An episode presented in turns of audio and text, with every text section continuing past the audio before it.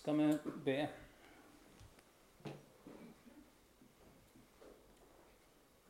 Hedningefolkene skal frykte Herrens navn, alle jordens konger din herlighet. For Herren skal bygge Sion opp igjen. Han skal åpenbare seg i sin herlighet. Han skal vende seg til de hjelpeløses bønn. Han vil ikke forakte deres bønn. Dette er skrevet for den kommende slekt. Det folk som skal bli skapt, skal prise Herren. For han har skuet ned fra sin høye helligdom. Fra himmelen ser han ned på jorden, for å høre fangens sukk, for å løse dødens barn, for at de skal forkynne Herrens navn på Sion og hans pris i Jerusalem. Når de samler seg, folkeslag og kongeriker, for å tjene Herren. Og Herre, måtte vi få være blant de hjelpeløse som ber til deg, de som du vil høre. Måtte vi være av det folk du har skapt, som vil prise deg.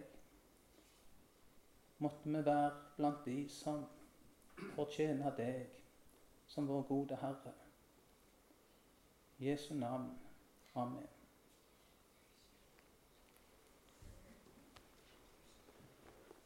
Vi skal fortsette i Salme 80. Men det er sånn at det er ikke alltid ting blir akkurat sånn som du hadde tenkt på forhånd. Vi hørte om de hjelpeløses bønn. Når er det bra å være hjelpeløs? Noen som liker å være hjelpeløs?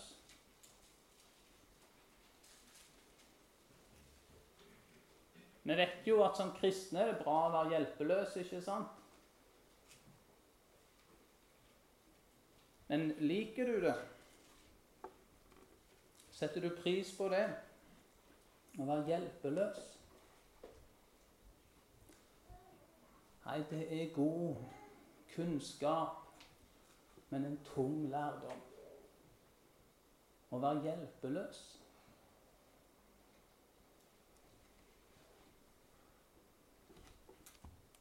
I dag så har jeg vært ganske rolig for hva vi skulle ta fram. Men jeg har liksom ikke klart å finne en vei. Det hender det at du sitter og forbereder, og jeg liker å skrive manus omtrent ord for ord hva jeg har tenkt å si. Noen ganger så kan ordene dette ned. Andre ganger så prøver du å gå i en retning, og så føler du deg stopp. Og så prøver du der, og så blir det stopp. Og så blir det rot og masse tanker og bibelvers og retning og Ja. Og sånn ble det litt til det møtet her. Og så blir en hjelpeløs. Det er ikke fint å være taler og være hjelpeløs. Da mister du litt kontrollen. Vi liker å ha kontrollen liker ikke å være hjelpeløse. Og så er det sånn for enhver troende, enhver kristen. Du er hjelpeløs. Og det vet du sikkert. Men har du fått erfare det? Har det blitt en lærdom i ditt liv? At du er hjelpeløs? Og på sett og vis så blir dette en fortsettelse av timen med Ingar. For jeg har vært ganske rolig for at jeg skulle ta fram, det er at jeg, jeg tror Herren ville tale med noen om deres liv og tjeneste for Herren. Men så har jeg liksom ikke helt funnet veien får vi se. Men jeg ville si det først av alt om det var deg Herren skulle ha i tale, om det var deg han skulle snakke med om ditt liv og din tjeneste, så er det så lettvint å reise fra Labergen og Viken er over, og så igjen bare gå inn i den der hverdagens rytme, hvor det er alle andre ting som får deg i tale enn Guds ord. Også for det som uroer deg, det Gud fikk deg i tale med her på Laberget, så er det som om det bare liksom toner ned og toner ned, og så blir det borte igjen. Nei, skulle det være deg Herren skulle ha i tale, måtte du lytte, måtte du ta imot, og måtte du søke svar i Guds ord òg etterpå. Ikke bare gå tilbake til hverdagen og la det renne bort. Og det er den store nød i vår tid, ikke sant? Det er så mye som tar vårt sinn og vår tanke. Og det er så vondt for Herren å få oss i tale. Vi skal lese Salme 80.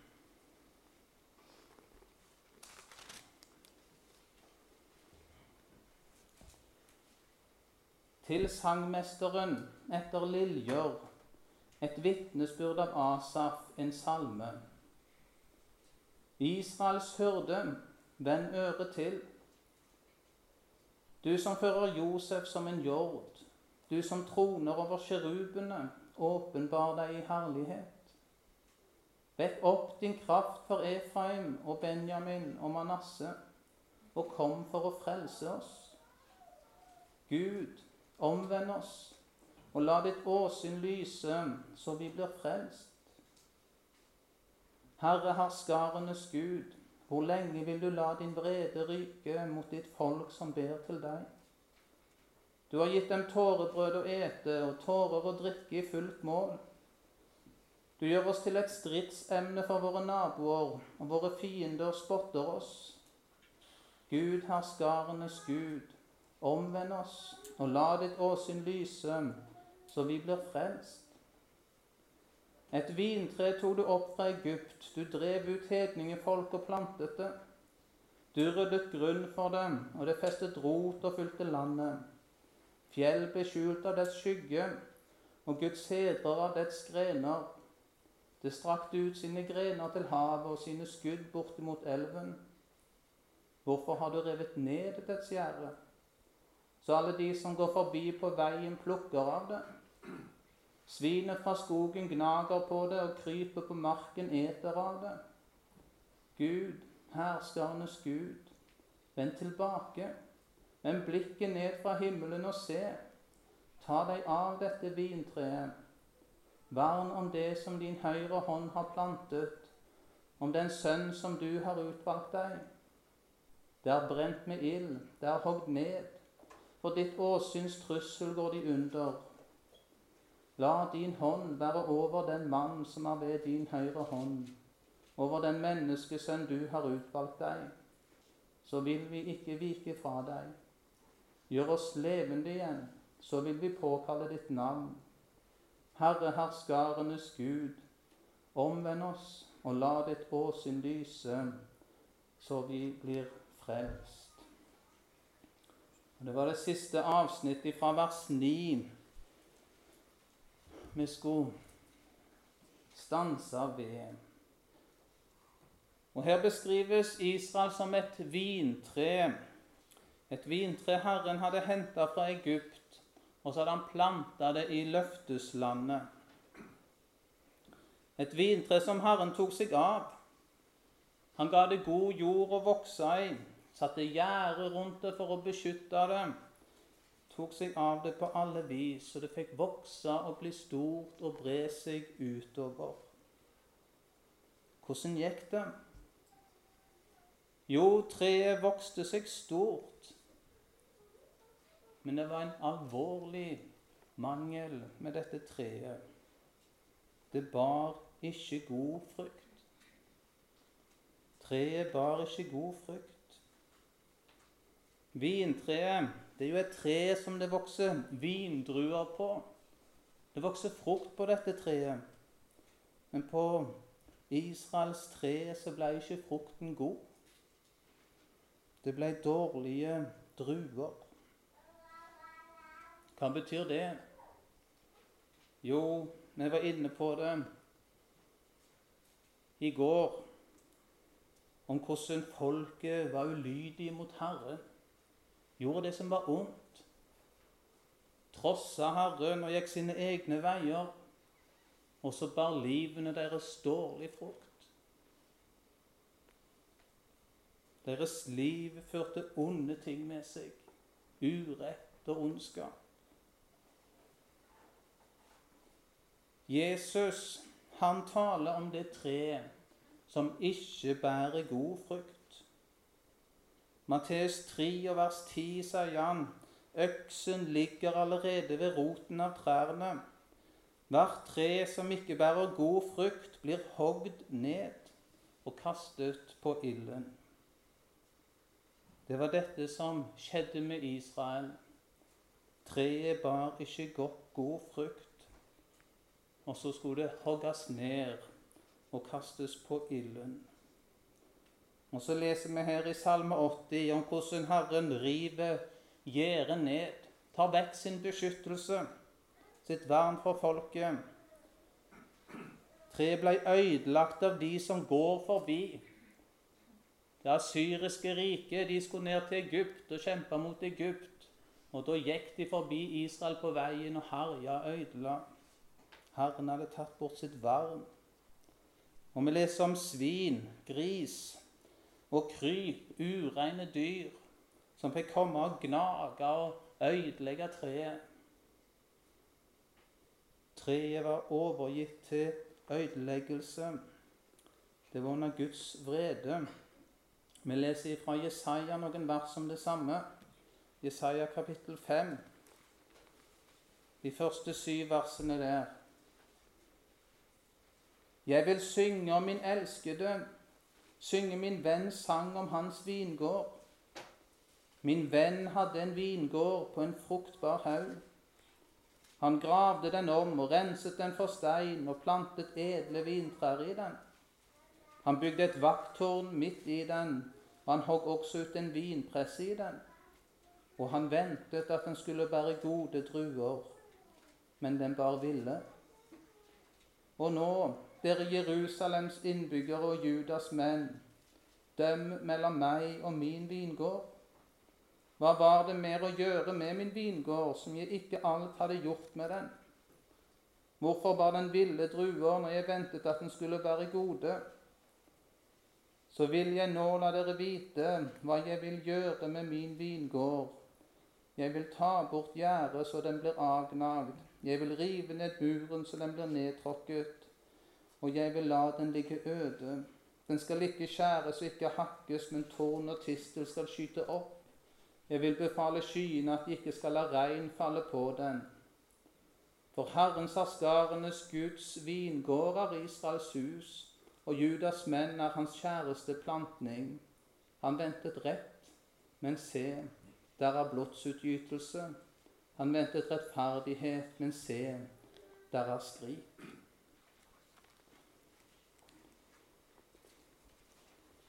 Hvorfor hadde Herren planta denne sin vingård? Hvorfor hadde Herren planta dette vintreet, Israel, i løfteslandet? Hvorfor hadde han henta de opp fra Egypt? Hva var Guds tanker med dette? Hva var Guds råd med det? Jo, det var for at Herren i dette folk skulle åpenbare sin frelse, sitt frelsesråd. Det skulle åpenbares i og ved dette folket. De var danna og satt der for å være Guds tjener til dette. Guds tjener som han skulle åpenbare sin frelse i. I dette folk skulle Gud sjøl la seg føde inn i menneskeslekten. De hadde altså en tjeneste. Noe Gud skulle utrette ved dette folk. Og så kan det synes som om det går til grunne, ikke sant? For dette folk, det synes til å mislykkes så fullstendig.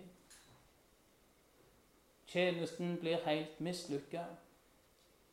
Folket skal hogges ned som det vintreet de var, det som ikke bar frukt. Og så synes det å gå til grunne hele Guds frelsesråd. Men det finnes ingenting som vi mennesker kan gjøre og ikke gjøre, og vi mislykkes aldri så mye, som ødelegger Guds frelsesråd. Han fører sitt råd fram. Men når det gjelder den enkelte, når det gjelder deg og meg, så kan vi ødelegge Guds frelsesråd for meg. Du kan ødelegge Guds frelsesråd for deg. Det står om fariseer når de lovlærde at de gjorde Guds råd til intet for seg. De ødela ikke Guds frelse for menneskeslekten. Det kan ingen gjøre. For Herren han bruker alle til å fremme sin vilje og sin sak.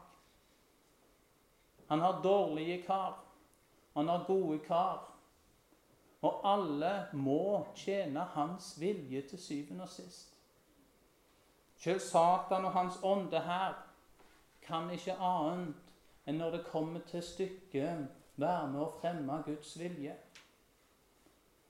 Men det er dårlige kar, og det er gode kar. Det er de som gjør Guds råd for seg til intet. Som ikke lar seg frelse. Og så er dette sannheten ikke bare for Israel, for hvert eneste menneske. Vi bærer dårlig frukt. Vi er ikke et edelt vintre. Nei, det er så mye urett, så mye vondt, som følger i kjølvannet der et menneske har vandra og gått. Trær som bærer dårlig frukt. Men så er det dette evangeliet at det finnes ett menneske. Det finnes én Herrens tjener som bar god frukt. Det finnes én Herrens tjener som er rein, som er god, som gjør rett og rettferdighet i alle ting. I hele menneskeslekten et eneste godt vintre. Jeg er det sanne vintre, og min far er vingårdsmannen, sa Jesus. Jeg er det sanne vintre.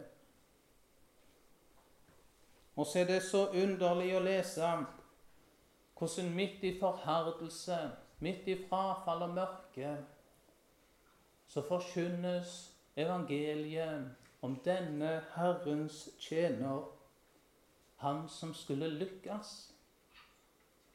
Jesaja 42 og vers 1. Se min tjener, som jeg støtter, min utvalgte som min sjel har velbehag i. Jeg legger min ånd på ham. Han skal føre rett ut til hedningefolkene. Det er en Herrens tjener en som eier Herrens velbehag. En som skal føre rett ut til hedningefolkene. Og så taler han sjøl i Jesaja 49 og vers 1. Hør på meg, fjerne kyster, og gi akt dere folk i det fjerne. Herren har kalt meg fra mors liv av. Han har nevnt mitt navn fra min mors skjød.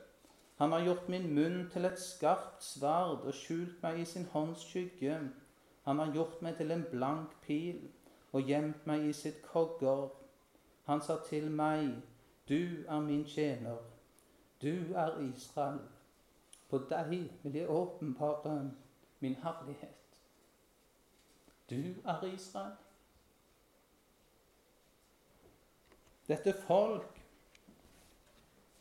som hadde mislykkes så til de grader at de skulle hogges ned og gå til grunne. De får høre dette evangeliet, at det er én, én god, som gjør seg til ett med dette folket. En som sier 'Jeg er Israel'. Du er min tjener, du er Israel. For deg vil jeg åpenbare min herlighet. Det er Jesus.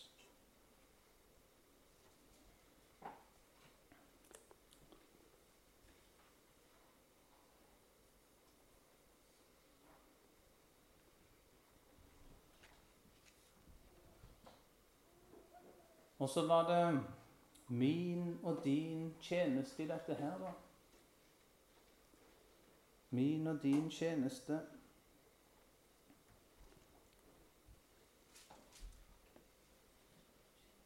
Det gis to bilder som sier noe om ditt liv og din tjeneste for Herren.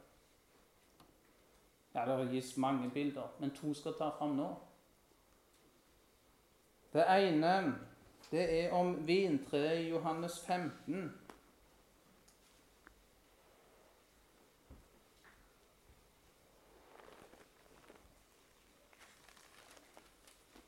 Johannes 15 og vers 4 og 5.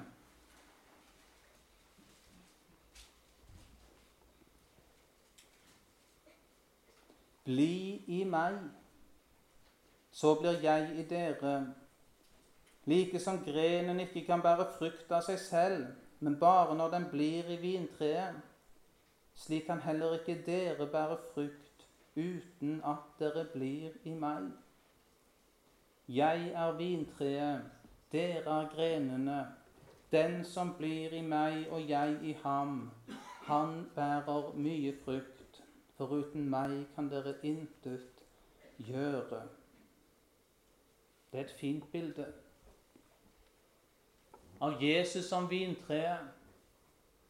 Og så har han satt sine inn i seg, gjort Guds barn til ett med seg. Jo, sånn du blir et Guds barn. Du får være ett med Han. Og så er du greiner på Han, og så skal du bære frukt. Men bare så lenge du blir i Han, bli i meg, så blir jeg i dere. For greinene kan ikke bære frukt av seg sjøl, men bare når den blir i Kristus. Det er et fint bilde. Og vi vil vel gjerne være slike grener, ikke sant, på dette vintreet. Og bære frukt der Herren hadde ville sette deg. Men så skal vi se litt på et Det er vel ikke først og fremst bilde på akkurat det samme, men det er samtidig det samme. Vi skal se litt i Jesaja, først kapittel 10. Så jeg leser siste to versene i kapittel 10, og så første vers i kapittel 11. Jesaja 10 og vers 33.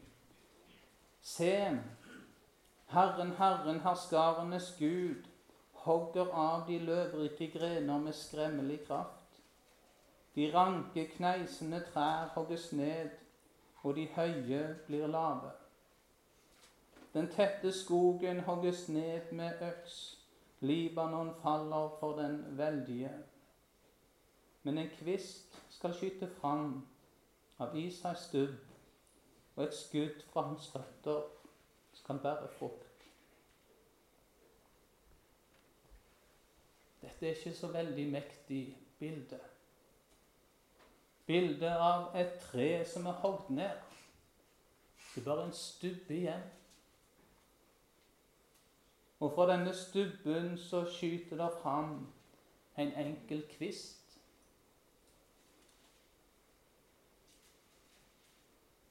Og så skal vi bla til Jesaja 53. står det mer om denne kvisten.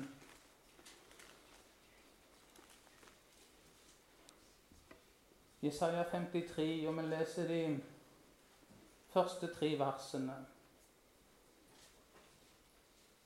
Hvem trodde det budskap vi hørte?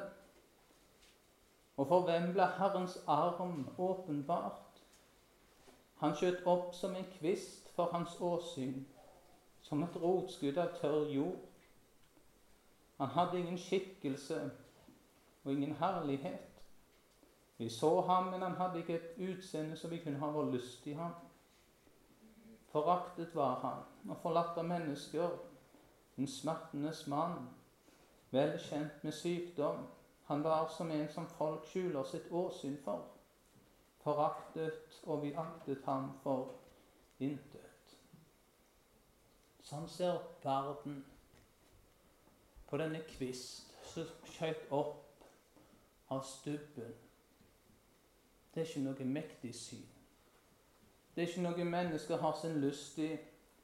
Det er ikke noe å bli imponert av.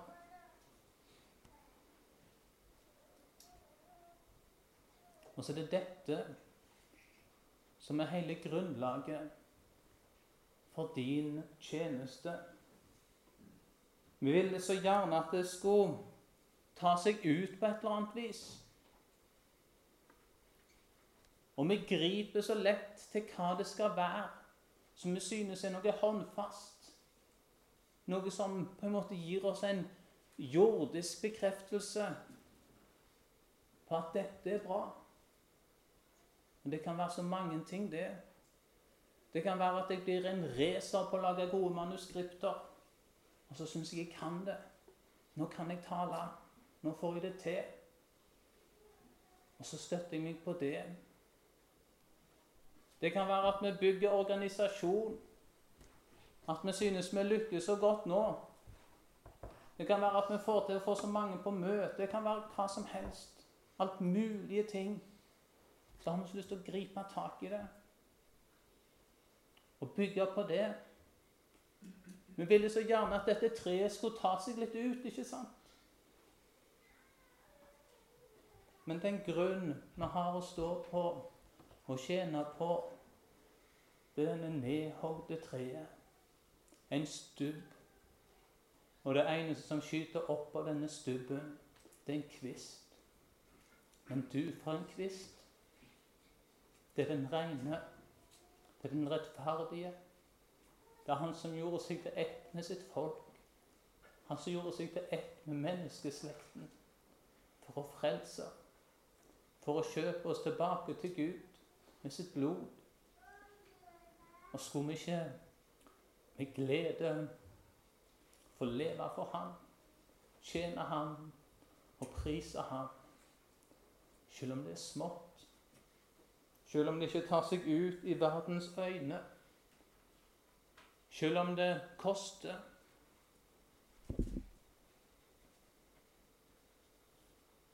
Vil du være blant de som skal være med å bære dagens byrde?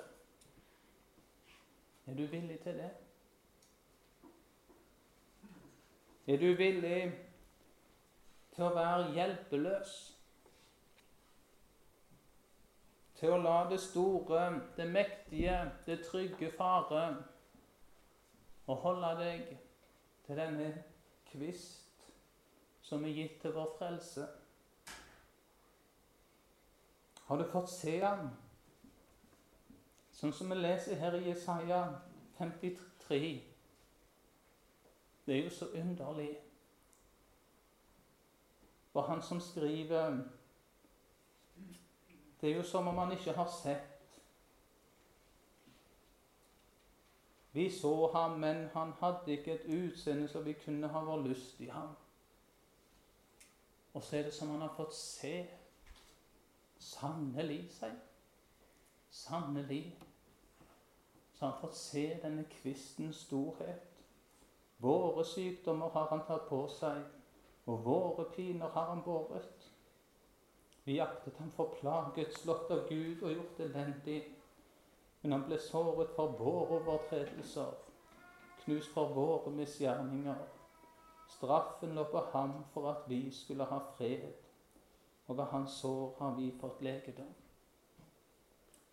En som har fått se det store I dette som for verdens øyne ingenting, aktet ham for intet.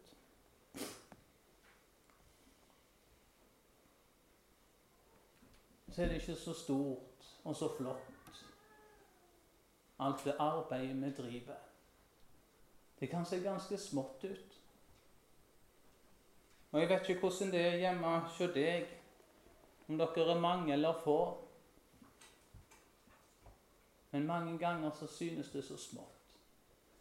Og så har vi fått se litt fra Peru. Sant? Og det Vi så plaststolene, sant? og så sitter det en gjeng der. Og så han som kommer og forstyrrer og begynner å helse på folk under sangen. og Det er noe skrøpelig med det hele. sant? Det Er noen som virkelig skulle bruke livet? Hun har bare ett, ikke sant? Bruke livet på å reise ut der. Så skal jeg vise litt fra Moldova nå etterpå. Det er så smått.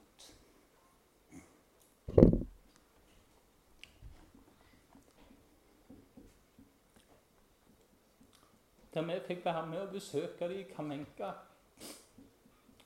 var hun ikke en eneste i den lille flokken som en gang kunne ha et åpningsord. Den som skjønner ordet for dem, han sitter milevis unna. De har med på Skype sitter de i en liten flokk der. Og det ser så tørt ut. Det ser så livløst ut. Det ser ut som et tre som er hogd ned. Det er liksom den lutherske kirka i Moldova, dette her, da. Eller kalle det resten av den. Det er noe, noe å bruke tid på. Sånn er tjenesten i Guds rike. For vårt eget kjød og for verden så ser det så smått og så skrøpelig ut. Men om Herren har et kall til deg og en tjeneste til deg, så er det det største et menneske kan få gjøre her på denne jord, å stå nettopp der hvor Herren tenkte deg. Stå nettopp i den tjenesten han kalte deg til. Ingenting er større. Og Paulus han innleder sitt brev til romerne og presenterer seg som Jesu Kristi trell. Jesu Kristi trell. Hva mener han med det? Jo, han tilhører ikke seg sjøl. Han er en annen manns eiendom. Han er Jesu eiendom. Jesu Kristi trell. Og så går han der Jesus vil han skal gå. Så tjener han der Jesus vil han skal tjene. Han har fått se hvor stort det er. Han har blitt grepet av denne kjærlighet. Det er han som gjorde seg til ett med Paulus for å sone Paulus sine synder og kjøpe han til Gud med sitt blod. Det samme har han gjort for deg. Og vi satt og sang her første sangen. La meg få høre om Jesus. Og så ble jeg så grepet av det mens vi satt og sang, at denne Jesus vi synger om, han lever. Han lever. Han er stått opp. Han lever. Og så er han oss nær. Han har ikke forandra seg. Han er den samme. Vi hørte til åpning om den Herrens engel som fikk frelse Jakob. Det var den samme som møtte Paulus utenfor Damaskus. Og han lever fortsatt i dag. Og han går imellom sine fortsatt i dag. Og han kaller, og han tar seg av sine. Det gjør han.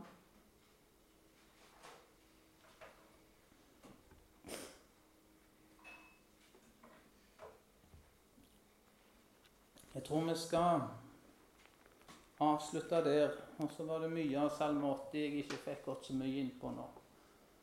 Det får nå bli til en annen gang, det, da. Så får dere lese videre sjøl. Og så vil jeg bare si en gang til, det som jeg åpna med, at om Herren har fått deg i tale denne helga, så la det ikke svinne hen i hverdagens mange inntrykk når du kommer hjem igjen etterpå, når skole og høst og alt mulig starter opp. Det var en grunn til at de søkte Herren i bønn og faste. Hva er bønn og faste? Jo, det er å legge andre ting til sides. Og gå avsides med Han og la Han få meg i tale. Kanskje noen her trengte til det. Å gå avsides med Herren, så han kunne få tale ut med deg. Sånn at uh, du kunne få fred med Han, og at du kunne få tjene Han der Han ville ha deg. Amen.